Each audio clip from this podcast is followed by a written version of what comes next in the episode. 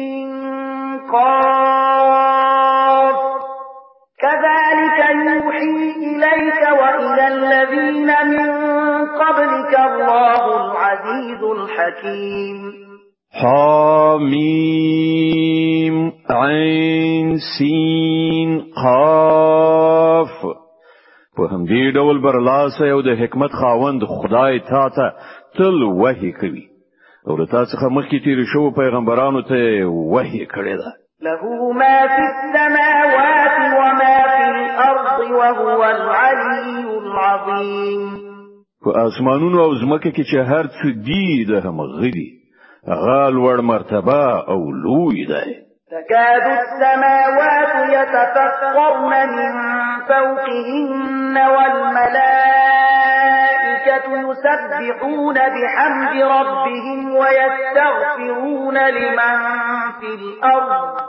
ألا إن الله هو الغفور الرحيم نجدې د چې آسمانونه له پاسه وچوي را ولويږي پرښتې د خپل پروردګار له ثنا ستاینې سره د هغه تسبیح کوي او د زمکې د اوسیدونکو په حق کې بخنه غواړي خبردار اوسئ په حقیقت کې الله بخونکی او ډیر مهربان دی والذین اتخذوا من دونه اولیاء الله حفیظ علیهم وما انت علیهم بوکیل کوم کسانو چې له هغه پرته خپل څه نور سرپرستان نیولې دي الله پر هغوی څارونکی او ساتونکی دی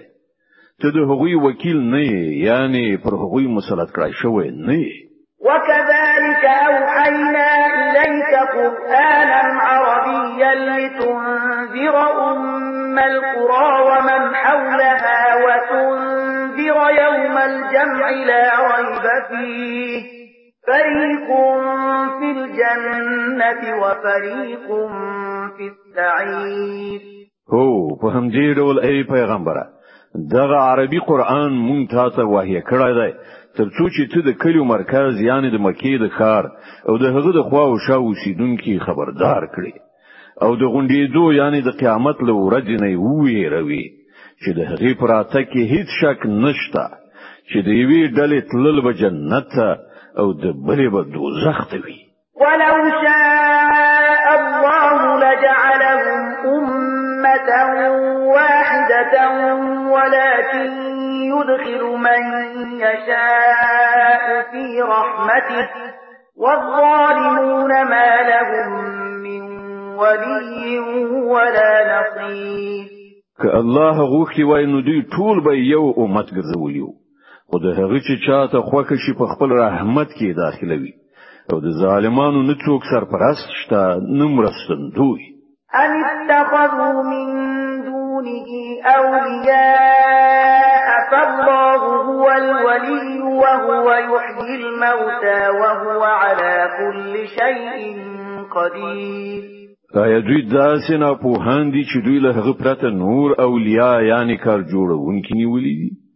ولی کار جوړونکی خو الله دی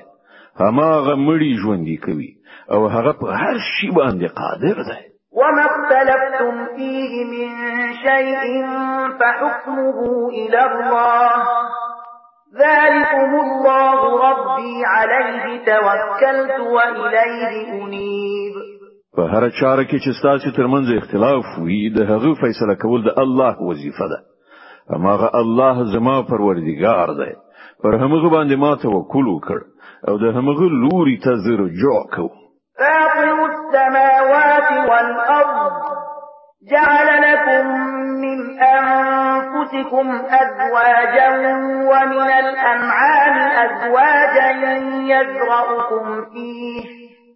ليس كمثله شيء وهو السميع البصير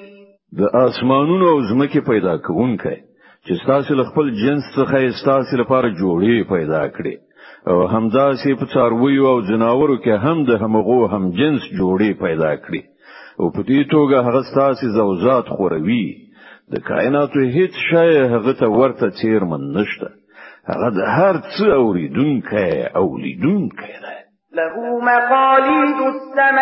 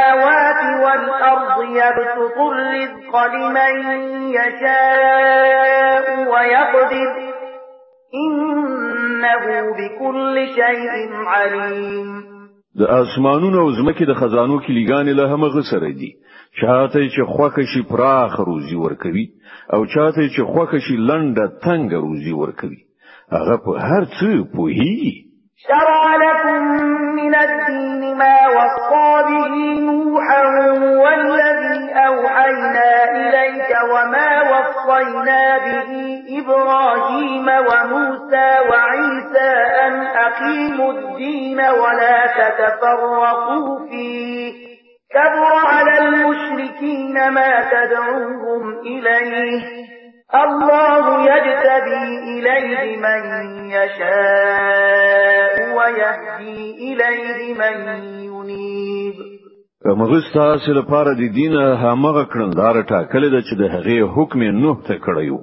او چې اوس ای محمد تا ته مونږ د وحی په وسیله درلېږلای دی او چې د هغه هدایت مو ابراهیم او موسی او عیسی ته کړی دی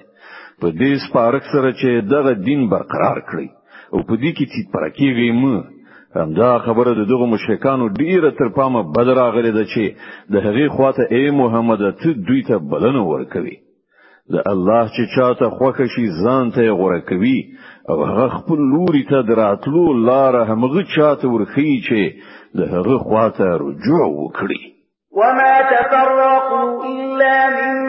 بعد ما جاءهم العلم بغيا بينهم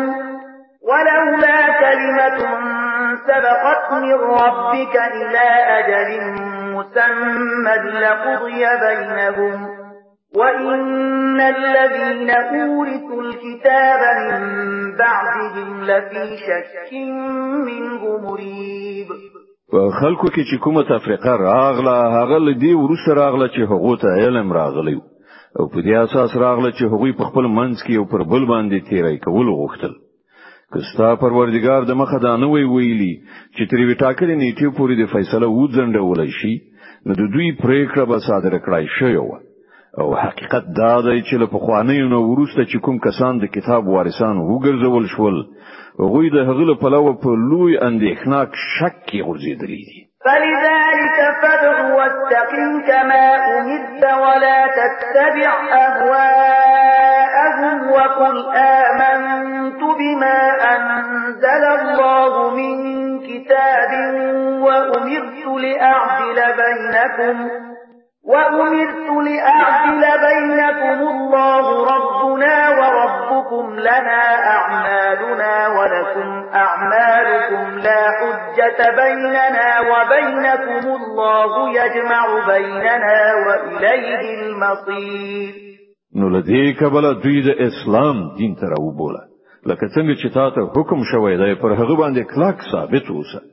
او د دوی په غوښتنو پسې مزه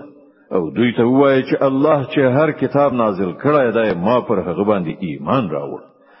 ما ته امر شوی دی چې زه ستاسو په منځ کې عادل وکړم هغه الله زمون پروردگار هم دی او ستاسو پروردگار هم زمونږ عملونه زمونږ لپاره دی او ستاسو عملونه ستاسو لپاره دی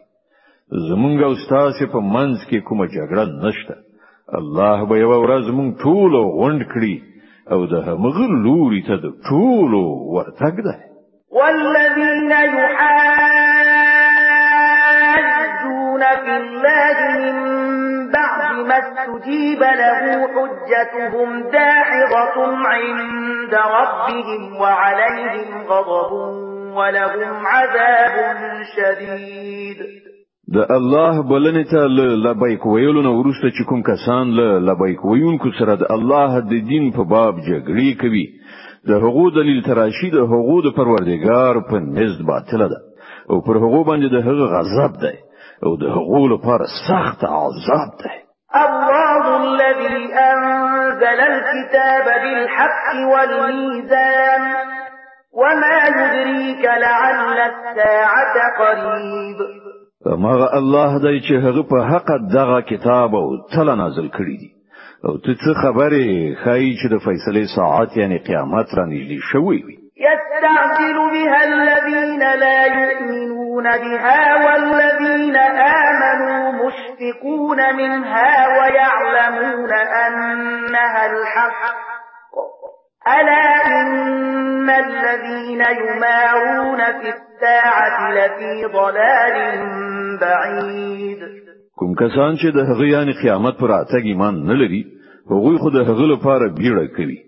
مګر څوک چې پر هغه ایمان لري هغه ورڅخه ویریږي او په هیږي چې په باوري ډول هغه راتلونکی دی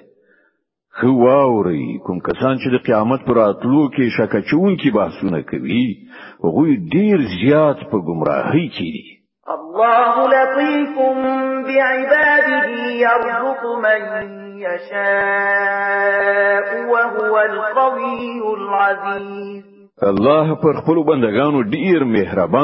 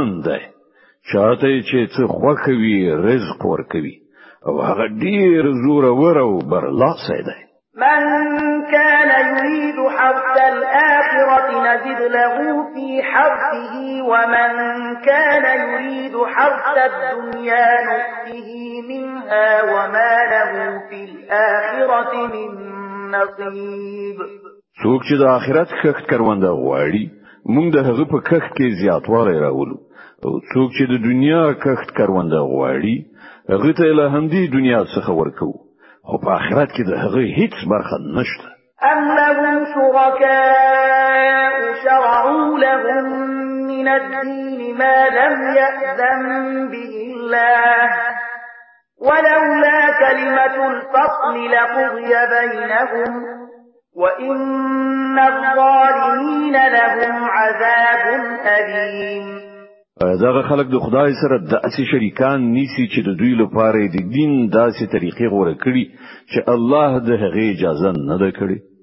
که د فیصله خبره مخکې نه وای سرته رسول شوی نو د دوی پریکړه به صادره کړای شوی و باوري توګه د دغو ظالمانو لپاره دردناک عذاب دی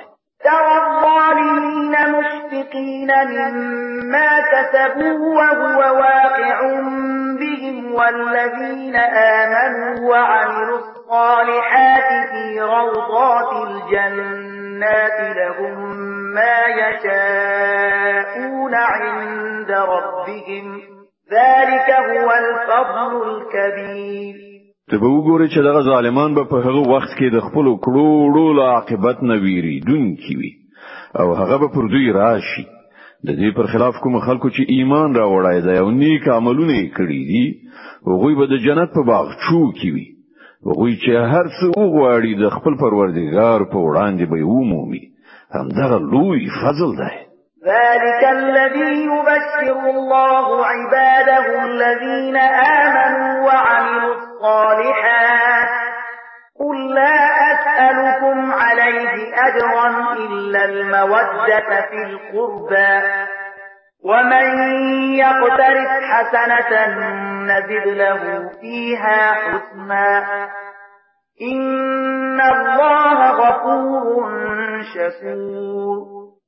دغه د هغه شی چې الله د هغه زیره خپل هغه بندگانو ته ورکوي چې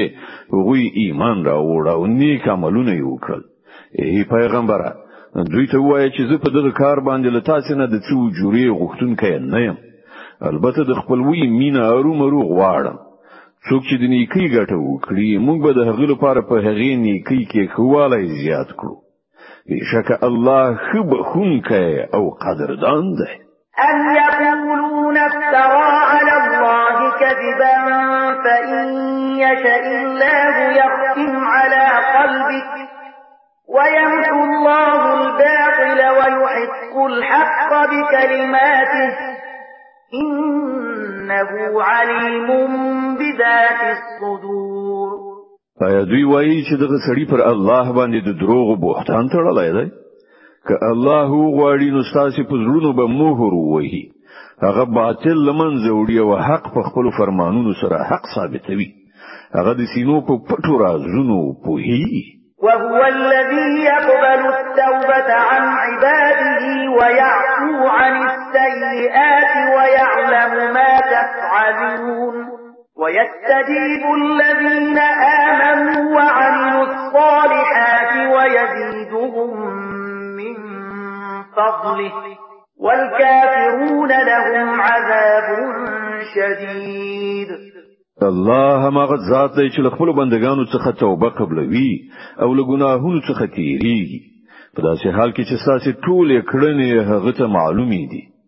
هغه د ایمان راوړونکو او د نیک عمل کوونکو خلکو توبه قبلوي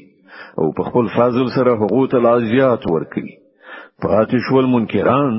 نو د هغو لپاره درناک سزا ده ولو بسط الله الرزق لعباده لبغوا في الأرض ولكن ينزل بقدر ما يشاء انه بعباده خبير بصير که الله خپل ټولو بندگانو ته پراخ روزي ورکړي وای نو هغوی به په ځمکه کې د سرکشي طوفان برپا کړی خو هغه په یو حساب سره چې څومره غواړي نازلوي په باوري ډول هغه خپل بندگانو نه با خبر دی او هغوی ویني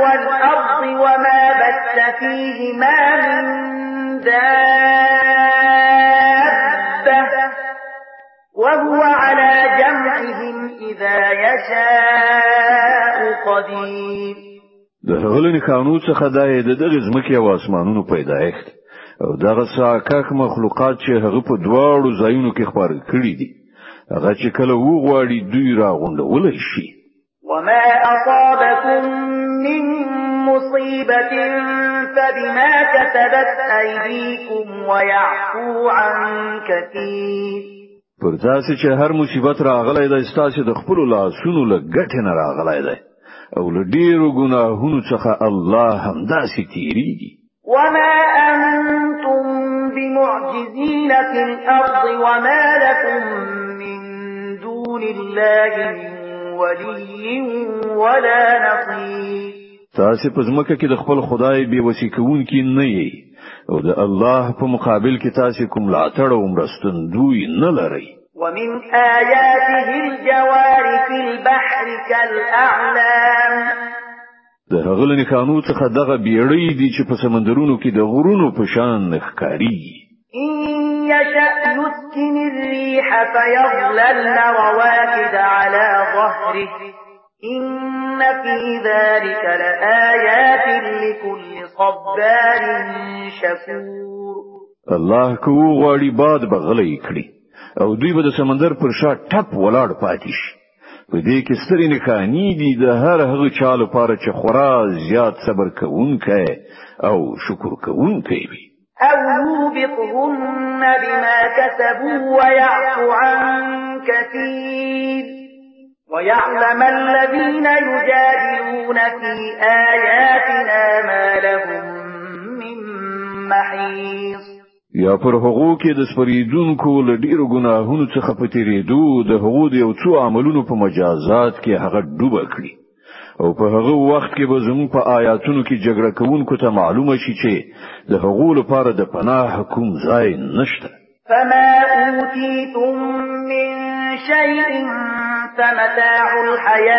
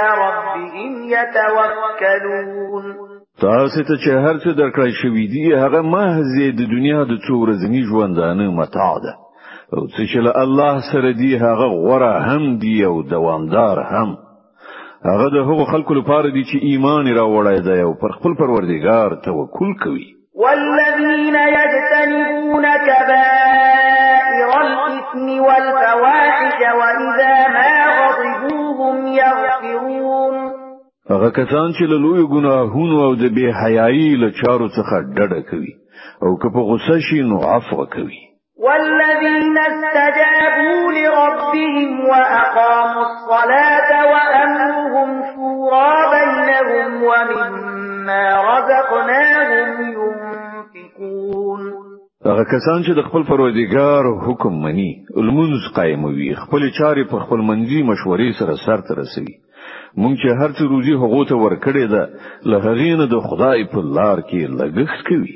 والذین اذا اصابهم البغي هم ينتصرون او کله چې پر هغه باندې تیرای کیږي نو د هغه مقابله کوي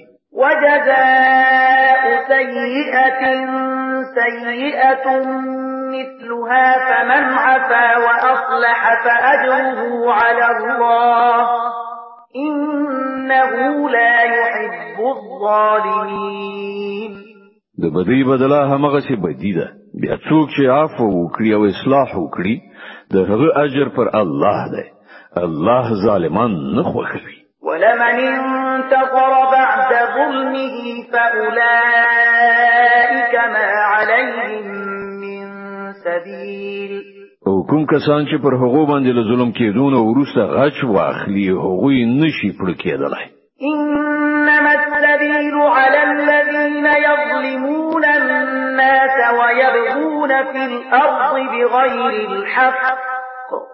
اولئك لهم عذاب اليم د پرې وړ خو هغه کسان دي چې پر نورو ظلم کوي او په ځمکه کې په ناحقه تیرای کوي د دغه راز خلکو لپاره دردناک عذاب دی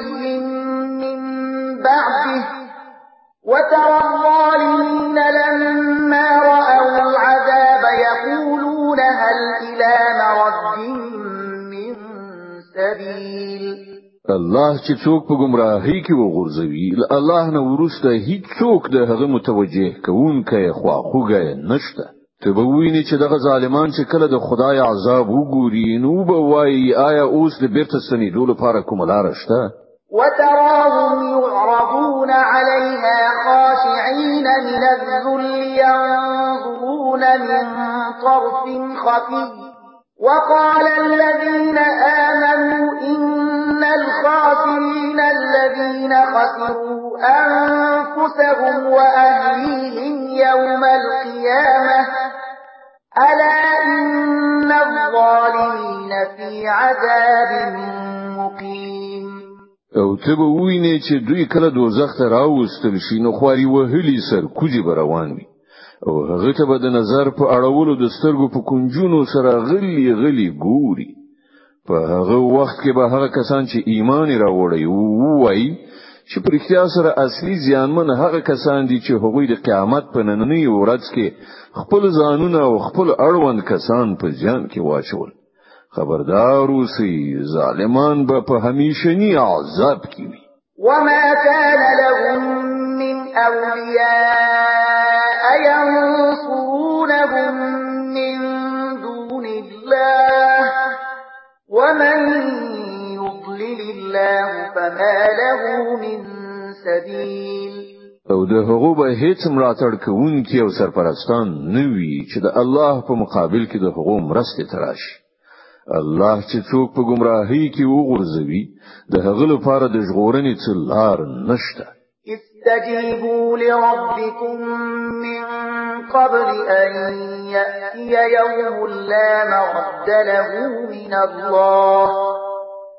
ما لكم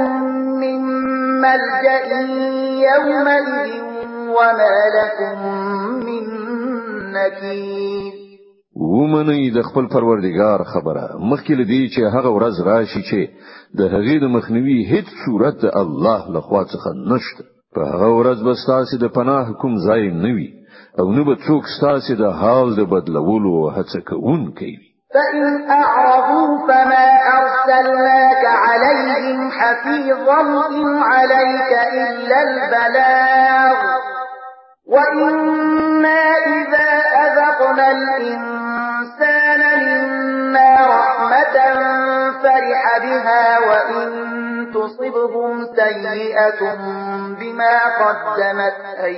فيهم فإن الإنسان كفور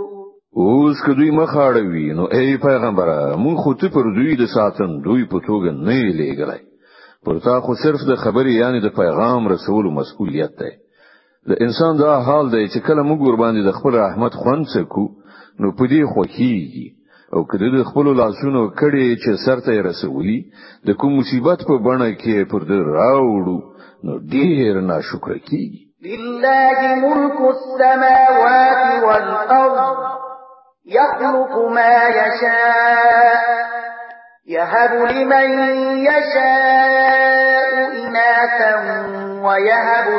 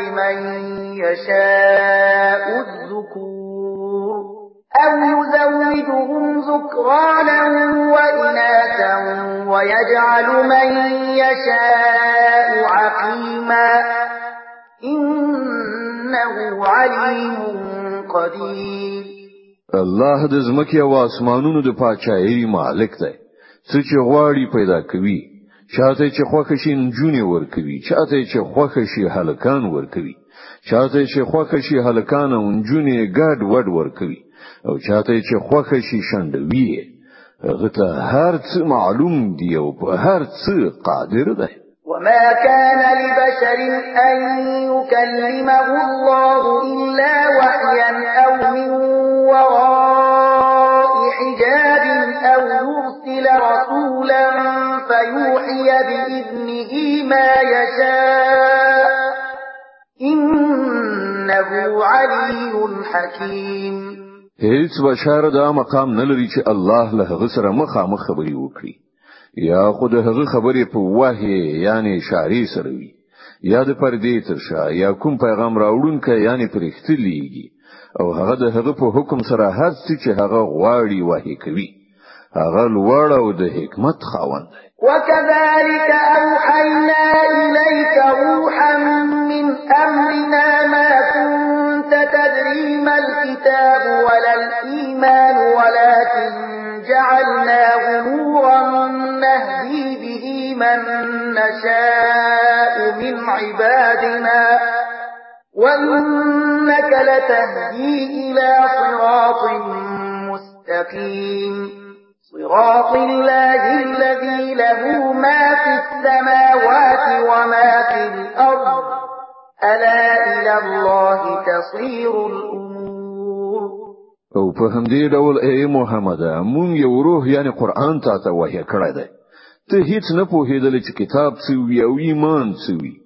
خو هغه قران مونږ یې ورنا وګرځوله چې په هغه سره مونږ له خپل بندگانو نه چې چاته مو خوښ شي لار خيو